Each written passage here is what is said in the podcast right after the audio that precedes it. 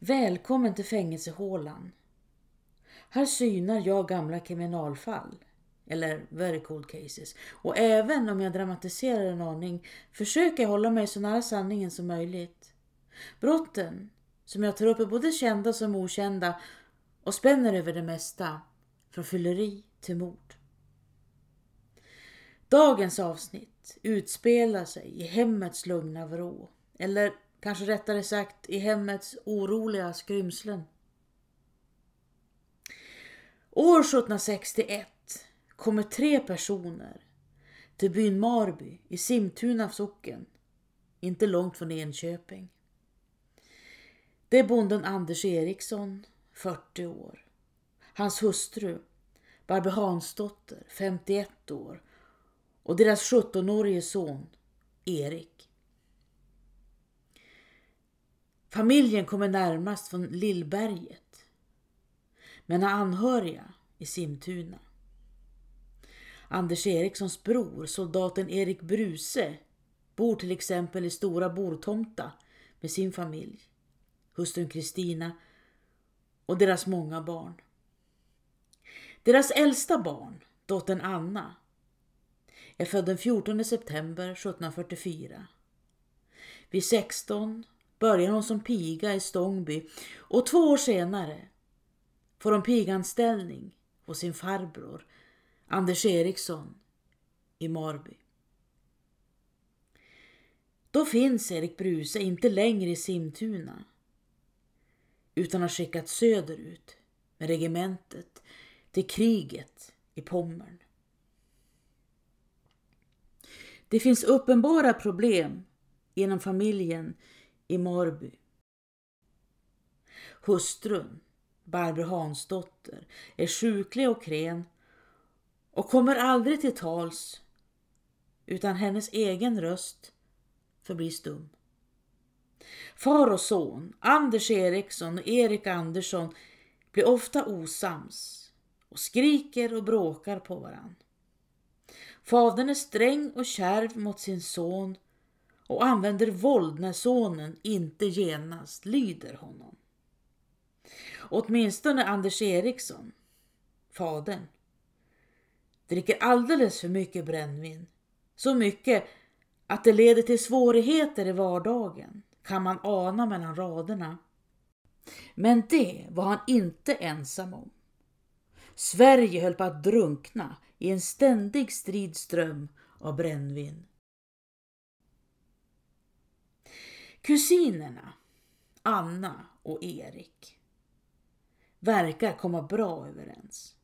Så pass att de börjar ligga med varann. Och i augusti 1763 blir Anna gravid.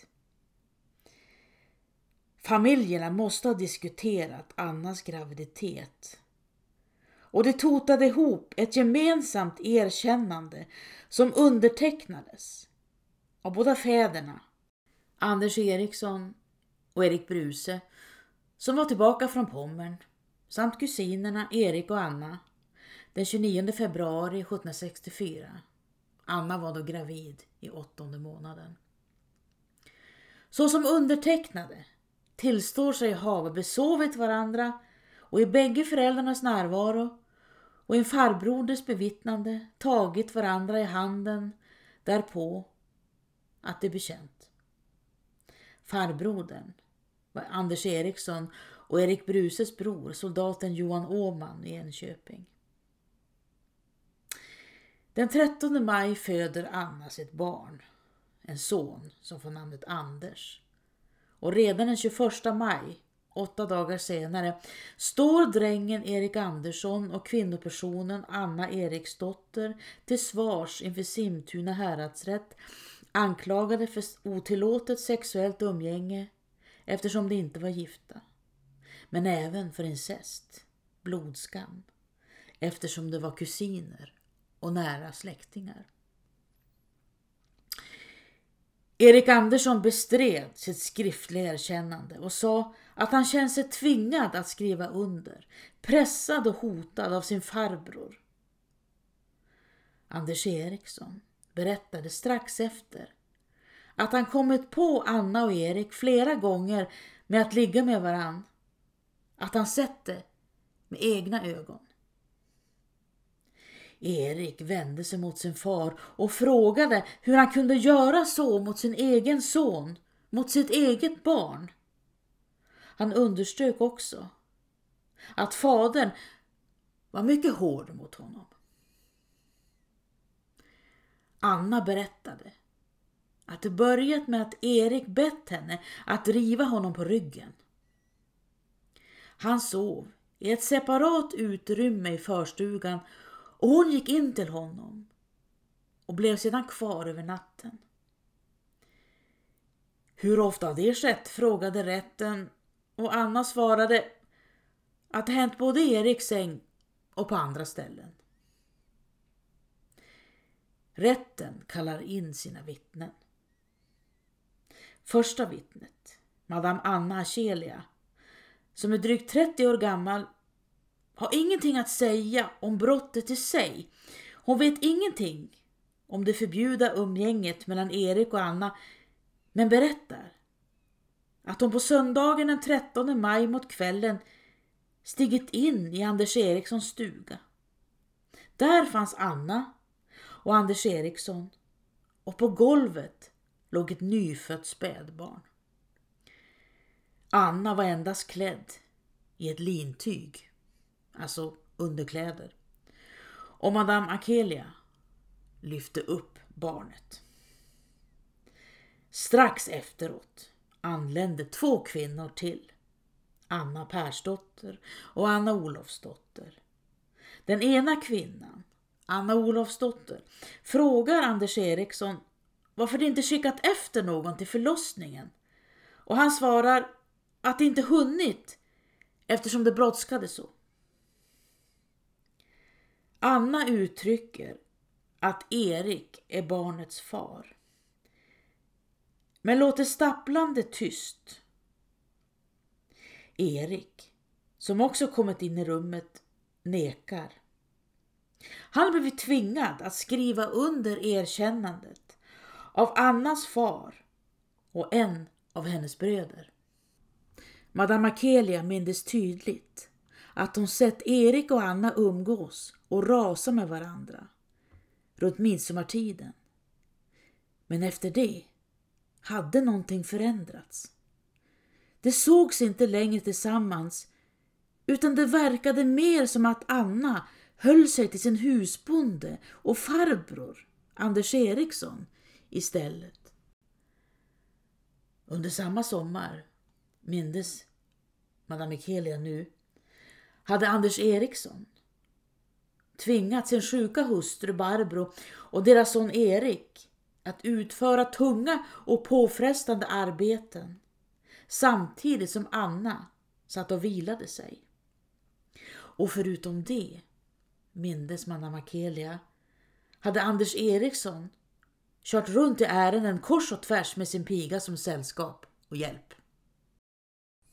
Enligt rykten som gått hade Anna varit ensam i huset under födseln tillsammans med Anders Erikssons gamla hustru Barbro som låg ganska sjuk och eländig i sin säng. Med andra ord fick hon klara sig själv om ryktet nu var sant. Andra vittnet, bokhållaren Olof Holmgren, berättade att han förra våren när han kommit in i Anders Erikssons stuga hört bråk och ilsken ordväxling mellan far och son. De hade båda varit arga och uppretade och Anders Eriksson hade slagit Erik. Grannarna verkar ha haft ögonen på familjen och både undrat och spekulerat. De tre kvinnorna, Madame Akelia och Anna och Anna steg in i Anders Erikssons stuga just efter födseln.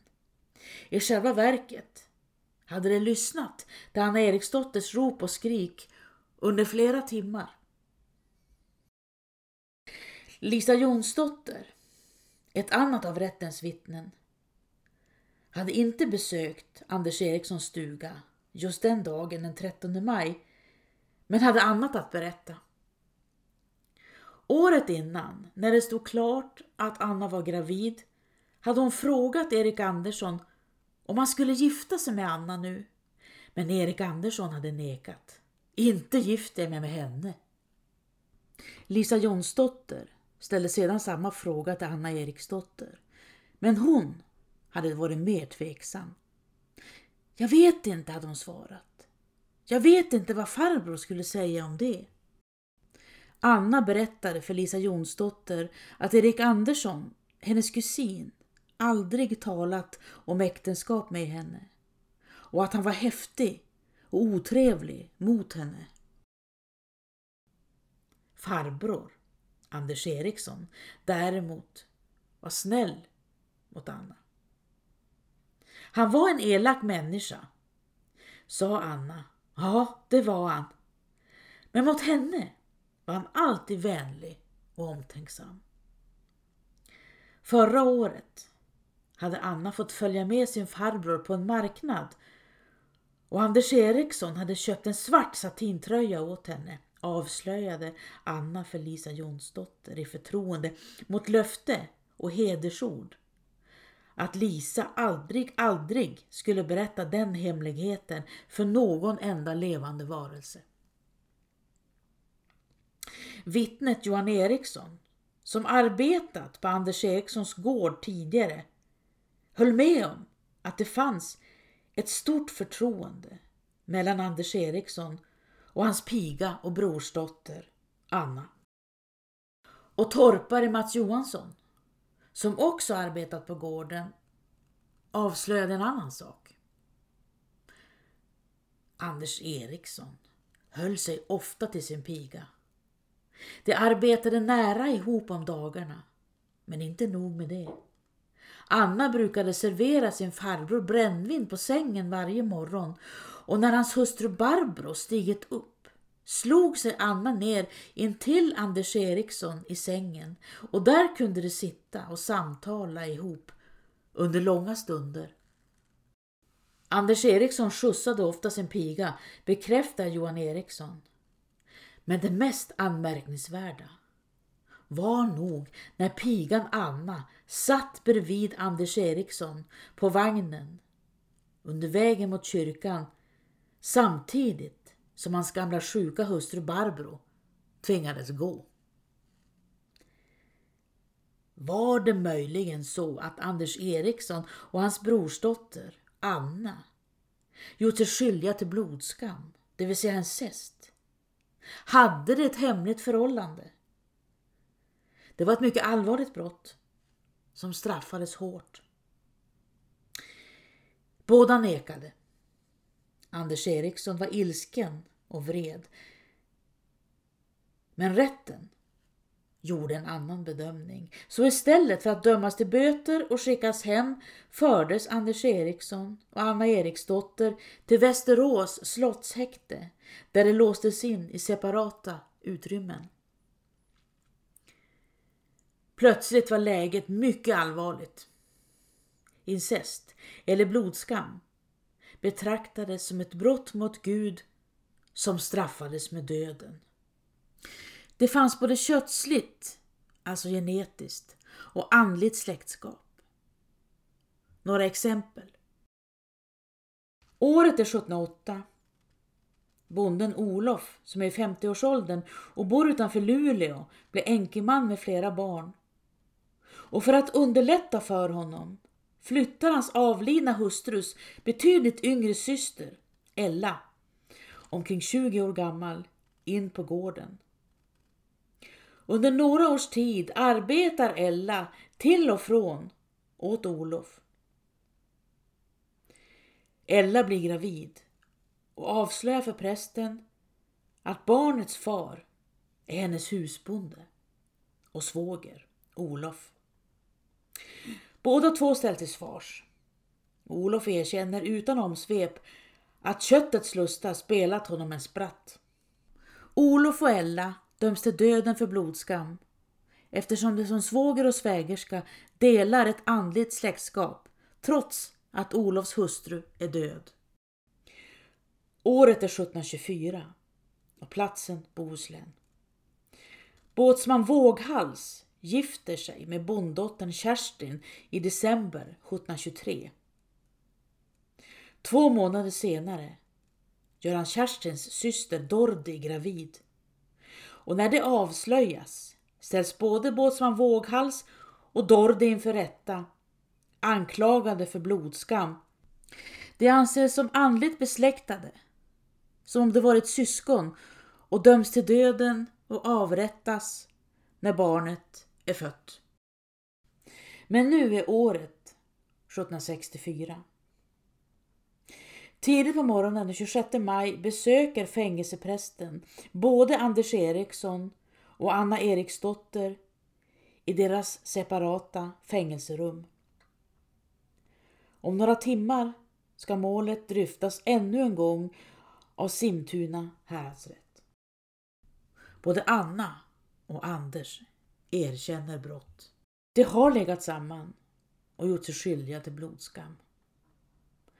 Anna berättar för prästen att hon inte alls är säker på vem som är far till hennes barn, farbrodern eller kusinen.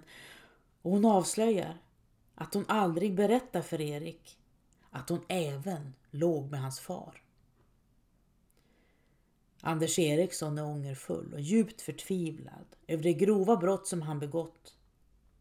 Han har inte erkänt tidigare, det är sant. Men vid förra tinget var han full och vettlös. Nu däremot är han spiknykter. Erik Andersson nås av nyheten om fadern och Annas erkännande i rättssalen senare under dagen och han blir helt förkrossad. Han vill helt enkelt inte tro på att hans far också legat med Anna. Han rasar, skriker och gråter. Anders Eriksson och Anna Eriksdotter döms till döden för blodskam och förs tillbaka till Västerås slottshäkte. Erik Andersson, kusinen, fälls också för blodskam. Han döms till böter men är sedan fri att gå.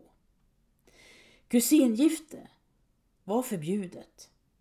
Men brottet, intimitet mellan kusiner, bedömdes som betydligt mildare än det som nu skett mellan farbror och brorsdotter. Och som kusiner kunde man få dispens att gifta sig. Barnet, den några veckor gamle lille Anders, tas om hand av Annas familj i Stora Bortomta. Och Barbro Hansdotter, hustru och mor, som även kallas Britta Hansdotter, teg. Det finns inga noteringar om hennes reaktioner. Anders Eriksson och Anna Eriksdotter satt hela sommaren och hösten inlåsta i Västerås slottshäkte i mörker, fukt och kyla. Den 2 november avled Anders Erikssons 85-årige gamle mor Anna Jonsdotter efter att ha legat i sängs i tre år. Och den 19 december förs Anna och Anders till avrättningsplatsen på Bärby skog inte långt från Simtuna kyrka. Anders Eriksson, 42 år, halshuggs. Hans kropp styckas och placeras på två stegelhjul. Anna Eriksdotter, 20 år, halshuggs och bränns. Och prästen, som blev vittne till alltihop, antecknade efteråt. Herre Jesus, förskona oss människor från sådana bedrövliga spektakel. Erik Andersson lämnade Marby drygt ett år senare och flyttade till Sparsätra. Barnet, Anders, avled i slutet av december 1765, ett och ett halvt år gammal. Och Barbro Hansdotter var lika tyst som tidigare. Men hon levde åtminstone i början av 1765. Det var inga glada människor som bodde i Anders Erikssons stuga i Marby. Både Anders Eriksson och hans son Erik var lynniga och utagerande. Deras olycka landade som smuts i hörnen och kröp upp efter väggarna. Erik och Anna, kusinerna, inleder ett förhållande. Erik behandlar Anna våldsamt och nedlåtande. Och Anna vänder sitt förtroende mot farbrodern istället. Erik är bitter och besviken. Oavsett om han var fäst vid Anna eller inte. Förmodligen var han det inte. Men den detaljen förblir höljd i dunkel. Anders Eriksson. Anna stormar in och ruskar om honom. En tunn låga av liv brinner fortfarande i hans kropp. Kanske trodde han att den redan hade slocknat, men nu flammar den upp. Det spelar ingen roll att Anna är hans brorsdotter eller att han riskerar både sitt eget liv och hennes. Han kan inte stå emot och bär henne på sina händer. Anders Eriksson, som är kärv och elak mot andra, låter Anna vila när de andra arbetar. Han köper presenter åt henne och skjutsar henne till och med till kyrkan. Anna Eriksdotter var 18 år när hon kom till sin farbrors hus i Marby. Men hon hade arbetat som piga sedan hon var 16.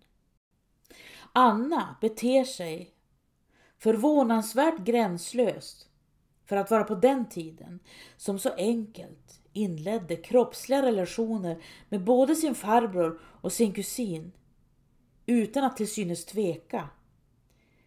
Men det vet vi ingenting om egentligen. Kusingifte var som sagt förbjudet.